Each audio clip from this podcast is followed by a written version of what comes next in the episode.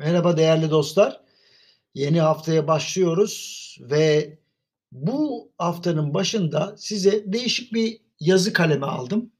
E, biliyorsunuz ben Huawei markasının dünyadaki kanaat liderlerinden bir tanesiyim ve e, şirketle alakalı gelişmeleri yakından incelemeyi kendime adet edindim. E şimdi 2020 yılı pandemi sebebiyle küresel anlamda hepimizin zorlandığı bir yıl oldu ama mesela Huawei gibi şirketlerin pandemiden önce de hayatı dikensiz bir gül bahçesi değildi. Elbette insanoğlu e, en önemli özelliği olarak iyiliğe de kötülüğe de alışıyor ama e, acaba e, bu Huawei ile alakalı tartışmalarda şirket gerçekten kendisine yapılan e, bazı mezalimlerin e, üstesinden nasıl geldi veya bunlara alıştı mı? Bunlarla ilgili bazı soruları kendime soruyordum. Geçenlerde faaliyet raporu açıklandı. Ben de bu faaliyet raporundan bazı notları kendime aldım. Şimdi Huawei cep telefonu kullanıyor musun? Hayır kullanmıyorum. Ancak Türkiye'de ve dünyanın birçok yerinde hepimiz Huawei'nin altyapısını kullanıyoruz. Onu söyleyeyim. E, 2019 yılının faaliyet raporuyla alakalı da geçen sene hatırlarsanız önemli notları sizle paylaşmıştım. Hatta e, sadece finansal e, tabloları değil aynı zamanda ARGE ve insan kaynaklarına verdiği önemi de Türkiye'deki şirketlerle kıyaslayarak almıştım. Gayet iyi hatırlıyorum. Şimdi 2020 yılında Huawei e, hatırlarsanız yani Trump gibi bir belayla uğraşmıştı. Çünkü Çin'le alakalı tüm kavgalarını Trump Huawei özelinde ne yapmıştı? Kutuplaştırmıştı.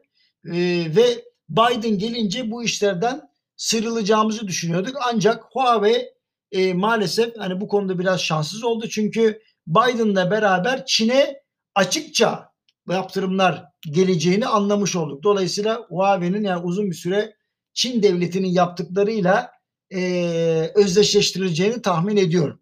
Şimdi Türkiye'de de Çin devletinin uygulamalarıyla alakalı birçok tartışma var hatta öfke var. E biz de seyrediyoruz olanları bitenleri.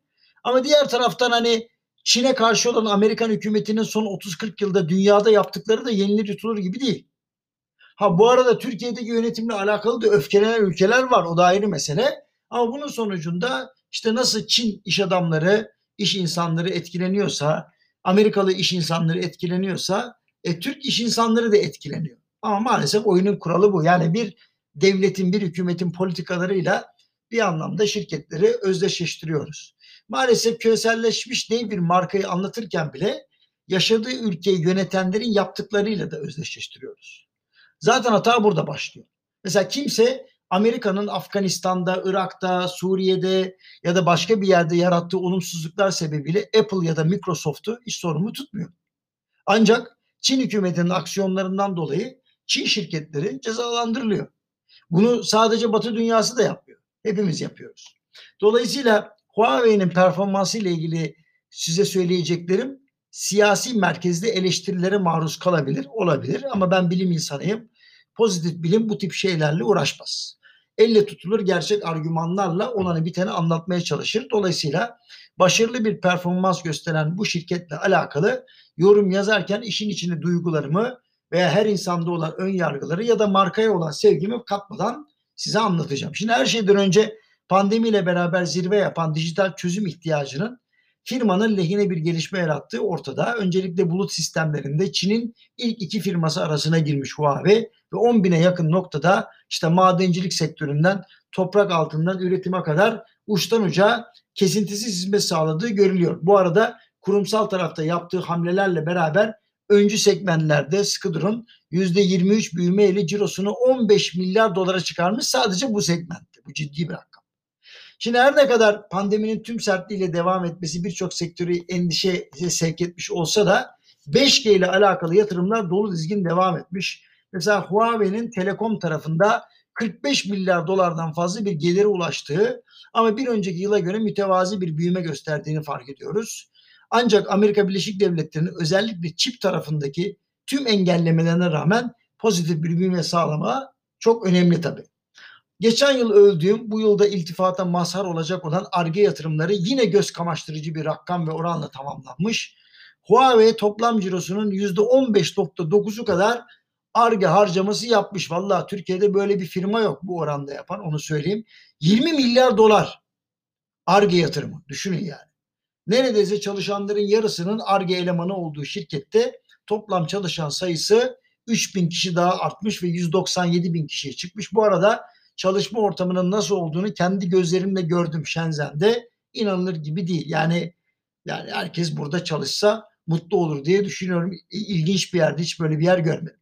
Şimdi bu yıl Huawei 2 yılda 300'e yakın kabiliyetli genci dünyanın farklı ülkelerinden seçerek işe alacakmış. Türkiye'deki gençleri duyuruyorum. Haberiniz olsun. Hatta Trump'ın ve ABD'nin yaptıklarına rağmen Amerikalı gençleri de bu kampanyaya dahil edeceklerini görüyorum. Bu arada çiplerdeki arz sıkıntısı sebebiyle cep telefonu gelirleri birazcık düşmüş Huawei'nin. Bu sıkıntı karşısında Huawei'nin harekete geçtiğini ve tedarik imkanlarını cep telefonu, tablet, bilgisayar işte e, arttırılmış gerçeklik VR diyoruz işte veya AR, VR, VR tarafında akıllı ekran ve birçok üründe IoT yani e, nesnelerin interneti arasında etkin ve doğru bir dağıtım yaparak verim sağlıyor. Yani bu ne demek? Elde limitli olan mikroçip sayısını çeşitli e, unsurlara bölerek gemiyi yüzdürmeye çalışmış. O yüzden söyleyeyim. Şimdi e, değerlendirmelerimi ben son derece ince bir fitreden geçiriyorum. O yüzden Huawei'nin Shenzhen'deki kampüsündeki kütüphaneyi dünyanın hiçbir üniversitesinde görmedim. Çok net. Yani kişiyi değil biz işi yönetiyoruz anlayışıyla kampüsün her noktasında çalışma imkanı verilmiş herkese. İsteyen kütüphanede çalışıyor, isteyen muhteşem göletlerin kenarında siyah kuğularla, isteyen de dünyanın en önemli şehir ya da binalarının birebir aynısı olan mekanların herhangi bir köşesinde çalışıyor. Şimdi böyle huzurlu bir ortamda çalışanların üzerine işleri zamanında yetiştirmek haricinde herhangi bir stres yok. Zaten bu sebeple firma kendisine yapılan her türlü kirli oyuna rağmen hiçbir şey olmamış gibi yola devam ediyor. Haberiniz var mı? Bain and Company tarafından yapılan uluslararası bir araştırmaya göre mutsuz çalışanlar %71 verim ile çalışırken mutlu olanlar %100'e çıkıyor yani verimlerinin. Ama şaşırtıcı bir şekilde kişiler eğer işlerine bağlıysa verimin %144'üne ama etrafında ilham alacağı örnek insanlar varsa verimlerini sıkı durun %225'e kadar çıkarıyor. Ya işin sırrı burada. Şimdi Huawei'nin düzenlediği panel ya da konferanslarda tanıştığım tüm kurumun üst düzey yöneticileri de her kademeden personel de oldukça cana yakın ve öğrenmeye meraklı insanlar. Aralarında ya kardeşim ben artık yönetici oldum diye kağıttan kaleler kurmaya çalışan hiç kimse yok. Söylenen her sözü ya da eleştiriyi can kulağıyla dinliyorlar. Yani verdiğim her konferansta şunu da söylüyorum. Piyasayı duymayan şirket sonunda yok olur. Dolayısıyla Huawei'nin her e, aslında seviyesinde insanlar duymaya, görmeye, anlamaya yönelmiş durumda. Sıkı durum bir şey daha söyleyeceğim. Firmanın hisselerinin %99'u kimin biliyor musunuz? Çalışanların. Şaka değil. Dolayısıyla önce insan de gerisi kendiliğinden gelir demiş Huawei. Kusura bakmayın bizim şirketleri hiç benzemiyor bu. Acaba oturup düşünmekte bir fayda var mı? Hepinize iyi haftalar.